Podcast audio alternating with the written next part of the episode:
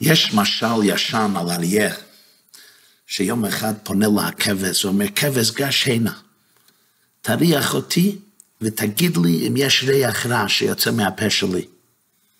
הכבש הרועד ניגש לאריה, מריח את פיו של האריה ואומר לו את האמת, אדוני האריה, הפה שלך אכן מסריח מאוד. שאג האריה ואמר, איך אתה מעז לומר כך למלך החיות? איפה הכבוד? איזה חוצפה יש לך? והוא טורף את הכבש המסכן. פונה האריה אל העז, וציווה אותו שגם הוא יתקרב להריח את פיו.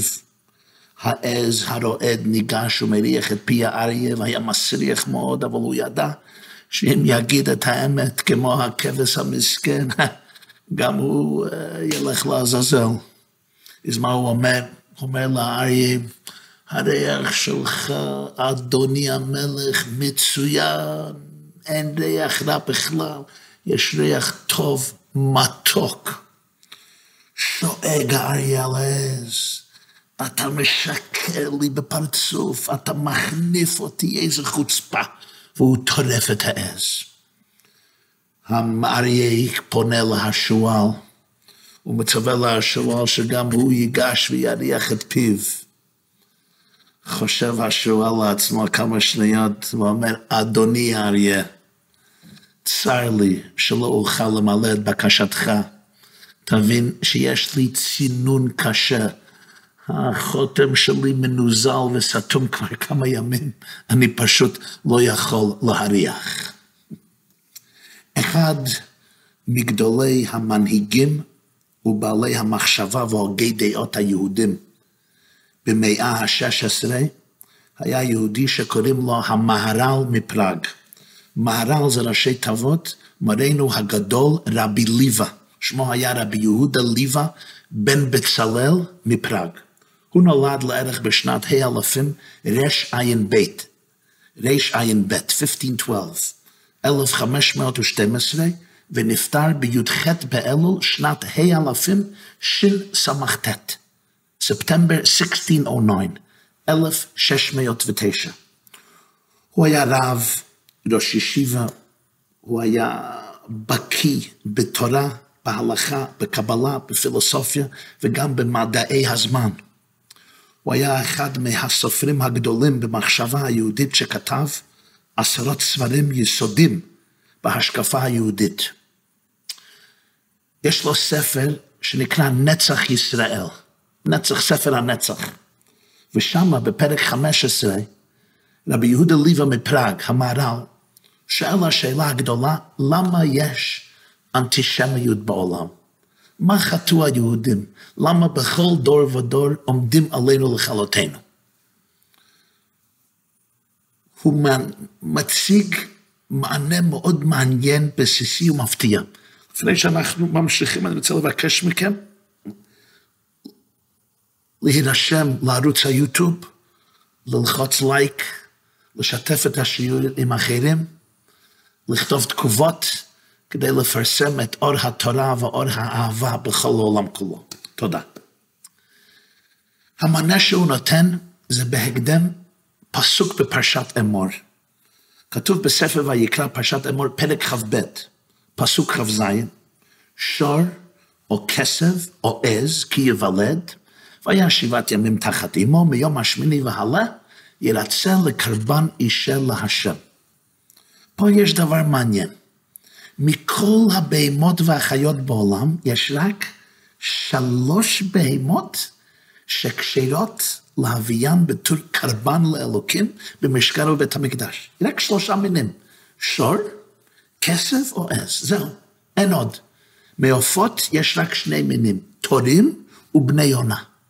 למה?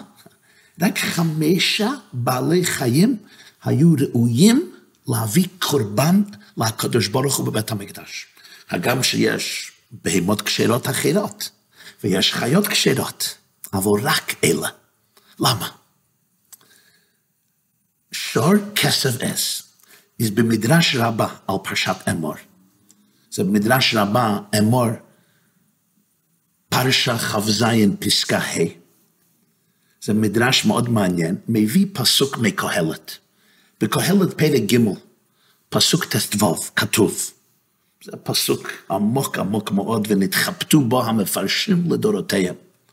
מה שהיה כבר הוא, ואשר להיות כבר היה, והאלוהים יבקש את נרדף.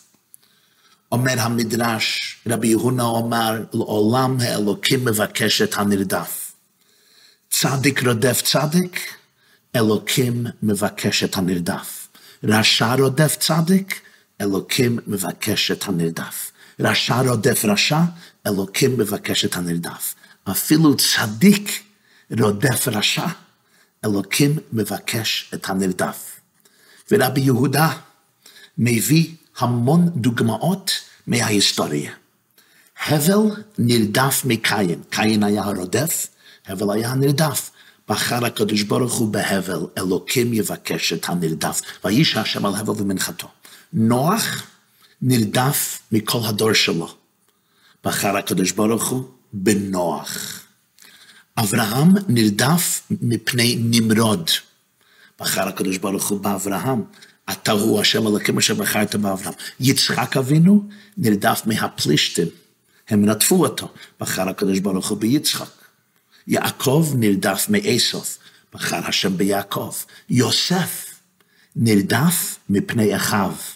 בחר הקדוש ברוך הוא ביוסף. אלוקים יבקש את הנרדף. כך כתוב בתהילים, עדות בהוסף שמו. משה רבנו נרדף מפני פרעה, אומר המדרש. הקדוש ברוך הוא בחר במשה. דוד המלך נרדף מחותנו, משאול. בחר הקדוש ברוך הוא בדוד, ויבחר בדוד עבדו, כתוב בתהילים. שאול נרדף מהפלישתים. בחר הקדוש ברוך הוא בשאול. ישראל נרדפים מהאומות, ובחר השם בישראל שנאמר, ובך בחר השם להיות לעולם סגולה בפרשת ראה. מסיים המדרש, אף בקרבנות זה ככה. אמר הקדוש ברוך הוא, שור נרדף מפני הארי, האריה. עז נרדף מהנמר, נמר. כבש נרדף מהזאב. הזאב טורף את הכבש, הנמר טורף ורודף אחרי העז, האריה רודף וטורף את השור, האריה והנמר והזאב הם הרודפים, השאור, השור, העז והכבש הם הנרדפים. אמר הקדוש ברוך הוא, לא תקריבו לפניי מן הרודפים, אלא מן הנרדפים, ולכן כתוב שור או כסף או עז כי יוולד, כי הם כולם נרדפים. בתלמוד, במסכת בבא קמא, תצ"ג, הגמרא אומרת, אמר רב אבהו, לעולם יהא אדם מן הנרדפין ולא מן הרדפין. למה? שאין לך נרדף בעופות יותר מתורים ובני יונה, והכשירן הכתוב לגבי מזבח. כלומר, כל מיני הבעלי חיים שכשרים להיות קרבון, זה שור, כסף, עז, תור בני יונה, כולם נרדפים, ובעופות אין לך נרדפים יותר מיונה, מבן יונה או מתור. עד כאן המדרש. בעל השפת אמת, אחד מגדולי ענקי החסידות בפוילן, שהיה האדמו"ר מגור, נכדו של בעל חידושי הרים, נפטר בתרס"ה, שבט, 1905, 1905, בפרשת אמור תרס"ג, שואל שאלה. אומר, אני מבין כשיש אחד שרודף את השני, צדיק רודף צדיק, רשע רודף צדיק, צדיק רודף רשע. כשיש רודף ונרדף, אלוקים מנחם, מחפש, מבקש, אוהב את הנרדף. אני מבין כשיש אנטישמים, כשיש אומות העולם הרודפים את ישראל בגלל הרוע שבהם, אני מבין, אלוקים מבקש את הנרדף, מובן. אבל באריה הרודף את הכבש, או השור, או העז, זה הרי בטבע האריה להיות רודף השור. איך אומר דוד בתהילים בקפיטול קד, הכפירים שואגים לטרף ולבקש מהלכלם. זה סדר העולם, האריה והנמר והעז והברדלס וכולי, טורפים בהמות וחיות אחרים. השור והעז אוכלים עשב השדה. למה אתה מאשים אותם? אלוקים יבקש את הנרדף כאילו שהם רשעים, זה הגנטיקה שלהם. נו, אפשר להגיד בפשטות שזה רק סימן. כלומר, התורה אומרת, תקריב שור וכסף או עז, כי אנחנו, בני אדם, צריכים ללמוד מהנהגתם. לא להיות רודפים, חס וחלילה, לא לרדוף בני אדם וגם חיות בעולם. אבל בגמרא במדרש רואים שזה לא סתם סימן, אלא שזה טעם הדבר. אלוקים אומר לכן אני מבקש מכם להביא קרבנות אלו כי הם מן הנדרפים ולא מן הרודפים. וכאן יש הסבר מאוד עמוק מהמהר"ל בנצח ישראל פרק ט"ו ובשפת אמת, אמור תרס"ג. אני אצטט כמה שורות מהשפת אמת, מילים יקרות מאוד, עשירות מאוד, ואני אסביר בעזר השם יזברך כפי הבנתי. אומר, העניין הוא, בעולם הזה הטבע מסתיר הפנימיות. כל הדבוק יותר בטבע, יש לו כוח חזק בהטבע. השור והשה הם נרדפים מפני שיש בהם יותר פנימיות, לכן הטבע מתנגד להם. מכל שכן נפשות בני ישראל שהם בני עולם הבא, עולם הזה מתנגד להם ביותר. ביור הדברים. להיות נרדף זה קומפלימנט אלוקי, מחמאה אלוקית. להיות נרדף פירוש שהעולם החומרי, הבוטה, הגס, לא סובל אותך, מתנכל לך. אתה מהווה סיכון לחומרנות, לאנוכיות, לרע. זה מחמאה. מאויבי תחק, איך אומר בתהילים? מאויבי תחק ממני. תגיד לי מי האוהבים שלך ואני אגיד לך מי אתה.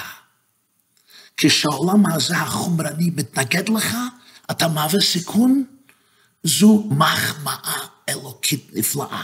למה? הטבע, טבע של עולמנו, מסתיר על הפנימיות. כתוב בספרי חסידות, טבע מלשון, טובעו בים סוף. כשמישהו חלילה נטבע במים, הוא נעלם מהאופק, הוא מכוסה. בעצם, הכל העולם זה אחד, הכל אחדות. האגו זה דבר מזויף, כולנו מאוחדים, כולנו בהרמוניה שלמה, כולנו זרם של אור האינסוף בעולמנו.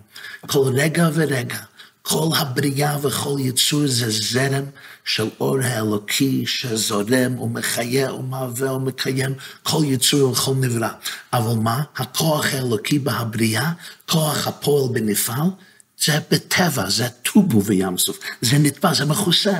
כשאני מסתכל בעיניים חיצוניות, לא בעיניים הפנימי, כשאני מסתכל דרך החשיבה של האגו, של הישות שלי, האמת, הפנימיות, הטוב, הקדושה, האלוקות, בעצמי ובכל דבר מוסתר.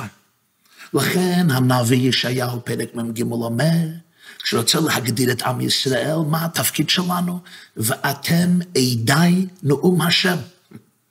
התפקיד של עם ישראל זה להיות עדים, אתם עדי להעיד. מה? התפקיד של כל יהודי זה להעיד שהשם מחיה ומהווה כל העולמות, אתם עדי נאום השם.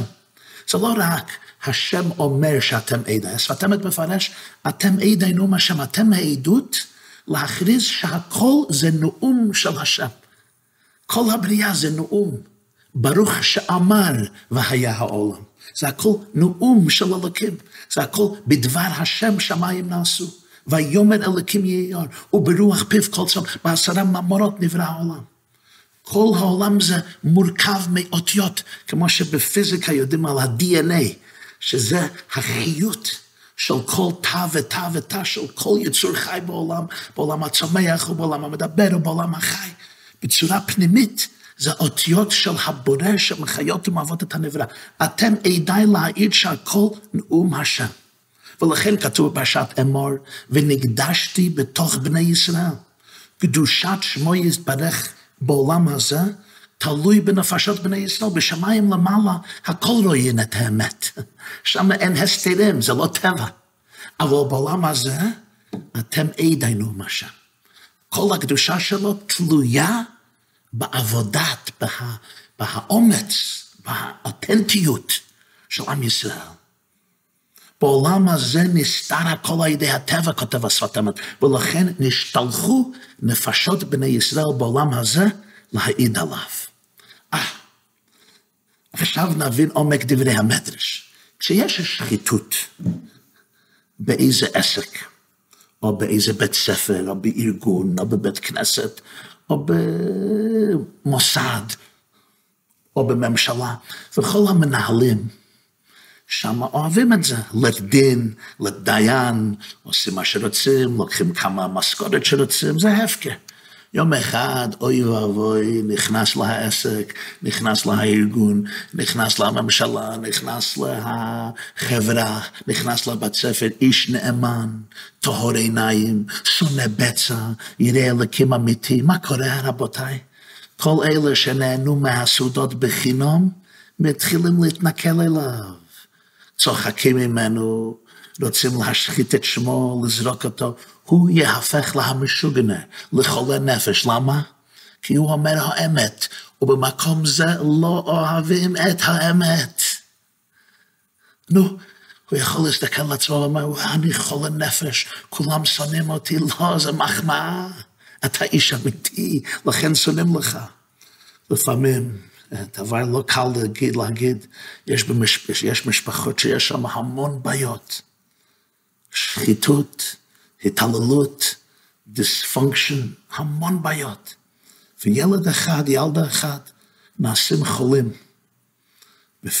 בגשמיות, ברוחניות, חולי נפש, או דברים כאלה. מסתכלים עליהם ואומרים, או, זה המוזר. לא, לא, לא, הוא זה שלא יכול לסבול את השקר. הוא התפוצץ כי הוא רגיש. הוא לא יכול לחיות עם השקר הזה, עם הכיסוי.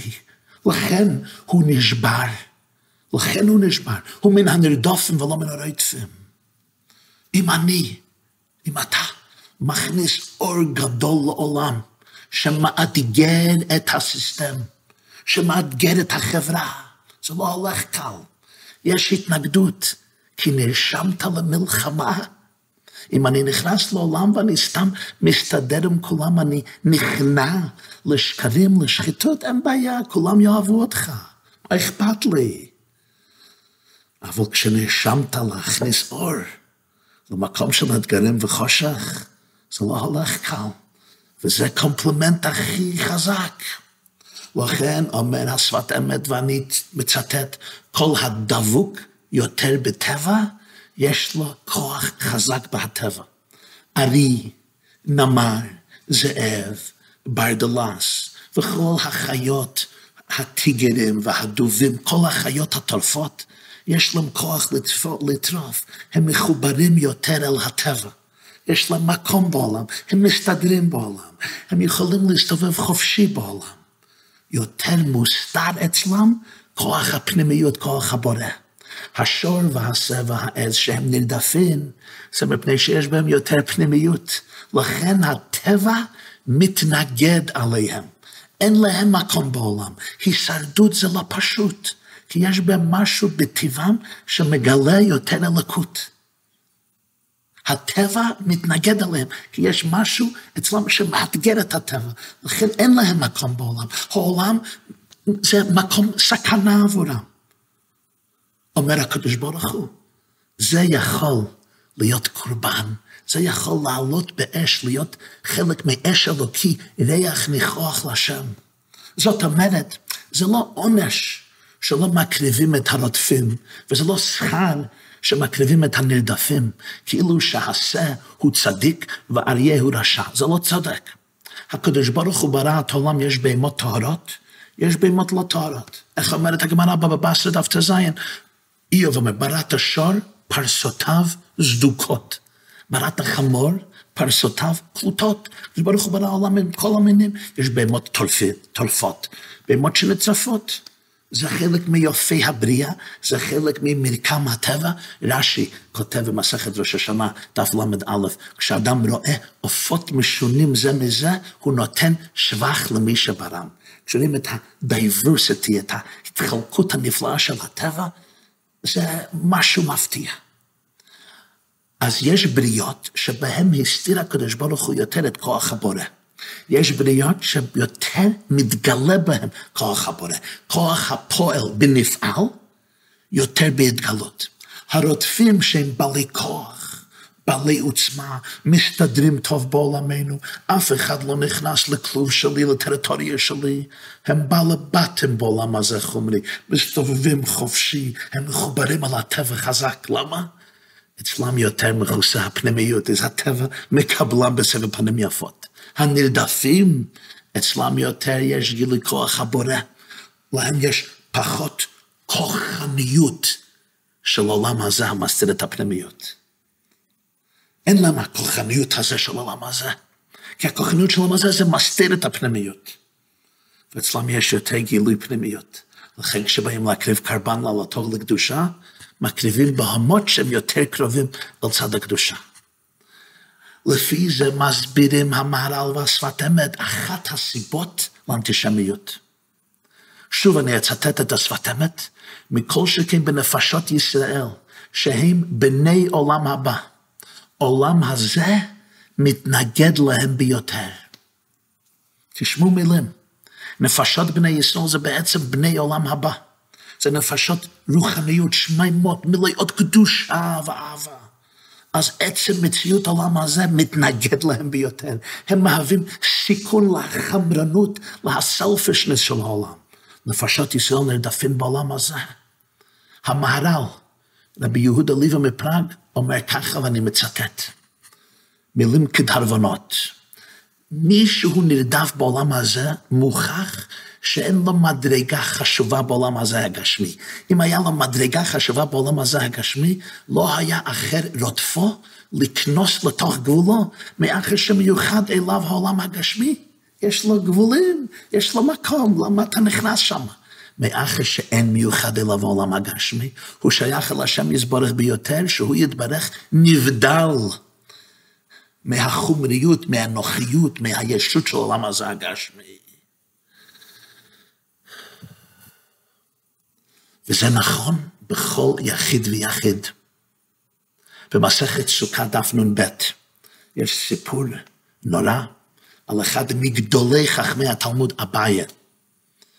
אביי מספר על עצמו שפעם הוא ראה האיש ואישה, לא היו נשואים, טילו יחד במשך זמן ולא חטאו, לא עשו שום דבר לא רצוי. והוא אמר על עצמו שאם הוא היה במצב זה הוא לא היה יכול להתאפק. ומזה הוא נכנס קצת לדיכאון. הגמרא מספרת שתלה נפשה בעיבורה דדשה. הוא שמח את עצמו על, על בריח הדלת במחשבה של, של מראה שחורה, במחשבה מאוד שלילית על עצמו. הוא חשב לעצמו, וואו, איזה לכלוך יש בי. אומרת הגמרא, הגיע יהודי זקן, ההוא סבא, ואמר לה אביי, כל הגדול מחברו יצרו גדול ממנו. אל תתרגז על עצמך, אל תאשים את עצמך, אל תחסל את עצמך פסיכולוגית. כל הגדול מחברו יצרו יותר גדול ממנו. מה הפשט? בדרך כלל אומרים, כדי שתהיה בחירה. אם אתה בן אדם גדול, יש לך גדלות רוחנית, זה לעומת זה עשה אלוקים, אז גם היצר הרע גדול יותר כדי שיהיה כוח התנגדות בשיקול מאוזן. אבל יש פה עניין הרבה עמוק יותר. זה לא בגלל שאתה גדול, אתה צריך יצר הרע יותר גדול שתהיה בחירה אמיתית. זה הרבה יותר עמוק. בגלל שאתה גדול, יש לך יצר יותר גדול. בגלל שיש לבן אדם הזה מעלה גדולה, נפש יותר עדינה, מרוממת, נשגבת, מעלית. הבן אדם הזה חי, הוא פועם עם יותר רוחניות. יש יותר הסתר. העולם הזה מהווה יותר התנגדות אליו. כי כוח הפנימיות שלו יותר בהתגלות, הוא מהווה סיכון איזה יצר הרע נלחם נגדו בהרבה יותר עוצמה. הוא גדול, יש לו אור גדול כל כך, או יש לה אור גדול כל כך, שמכניסים לעולם. הטבע, שלא רוצה ככה בקל לפתוח את עצמו, לגלות את האמת, מה שטבוע בתוך הטבע. אז הטבע החיצוני דוחף אותו, אין לך מקום פה. ובעל השפת אמת ממשיך, אני מצטט, ולכן אל ייפול לב אדם עליו, במה שהיצר הרע רודף אותו תמיד. למה? כי הוא אות על חלק הקדושה שיש בו. אה, יש בן אדם מרגיש היצר הרע רודף אותו תמיד, הוא מצפה מתי יגיע אל המנוחה, אל הנחלה. למה היצר הרע תמיד רודף אותי? מה זה? מה הכאב הזה? אבל זו לא הרגשה נכונה, להפך. כל הניסיונות הקשים זה אות על חלק הקדושה שיש בו, בגלל שיש בך יותר קדושה. היצר מראים עליך קשים וניסיונות, הם רק מראים כמה טוב אתה, כמה קדוש אתה, כמה יפה אתה. אתה כוח אמיתי שעל ידיך תתגלה הקדושה בעולם. לא תיפול לבך על הרדיפות הזה של הרע ושל היצר הרע. זה אות על חלק הקדושה שיש בך. לא להתפעל, כשיש לוחם טוב בחזית, כל האוהבים מתנחל, מתנכלים להרגו. למה? לא כי הוא מסכן, כי הוא לוחם הכי טוב. בשמונה עשרה, שלוש פעמים ביום אנחנו מתפללים תפילת העמידה. ברכה השלוש עשרה, איך מתחיל? על הצדיקים, על החסידים, על זקני עמך בית ישראל, על פליטת בית סופריהם, על גרי הצדק, ועלינו יאמו נא רחמך השם אלוקינו. יש קצת שינוי נוסחת, ספרד, אשכנז, הרי אבל זה בדרך כלל הנוסח אצל כולם. חשבתם פעם מה השייכות? צדיקים, חסידים, זקני עמך בית ישראל, או זקני שארית עמך בית ישראל, פליטת בית סופריהם, גרי הצדק, עלינו. אם אומרים עלינו, למה לא אומרים? אלוקים, על כולנו יאמרו רחמך. עלינו, אתה אומר עלינו, מה זה צדיקים? מה השייכות בין כולם? ואיך פתאום נופלים פה גרים? מי מדבר על גרים? גרי הצדק, למה פתאום בברכה זו אנחנו מזכירים את גרי הצדק? הגאון הגדול רבי מוישה שפירא, זיכרונו לברכה, אחד מגדולי בעלי המחשבה בארץ ישראל בדור האחרון שנפטר לפני כמה שנים.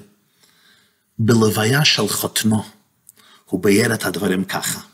אומר, הצד השווה של כל אישים אלו, הם כולם מרגישים שהם גרים בעולם הזה. הם לא מסתדרים בקל בעולם של חומרנות. הם נרדפים, צדיקים, חסידים, זקני עמך בית ישראל, פליטת בית סופריהם, אלה שנפטו, וגרי הצדק. הם גרים, גר ותושב אנוכי עמכם. למה? כי הם טובים, הם עירים, הם לא מסתדרים עם האנוכיות, עם שחיתות. הם לא רוצים לשקר, הם לא רוצים לשקר. מפסיק נמאס להם. מבקשים, אה, יהיה אמונו לכם אחרי השם אלוקינו.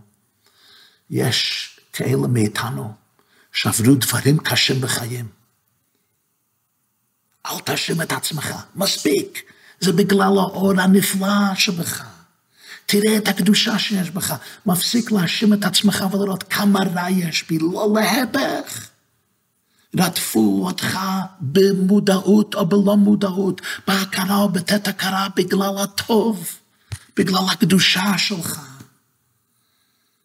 ולכן כשהיצר הרע רודף אחריי, רודף אחריך, איך שהיצר הרע הזה נראה, תזכור, האלוקים יבקש את הנרדף. למה? כי הנרדף הוא בעצם אלוקי. תודה רבה.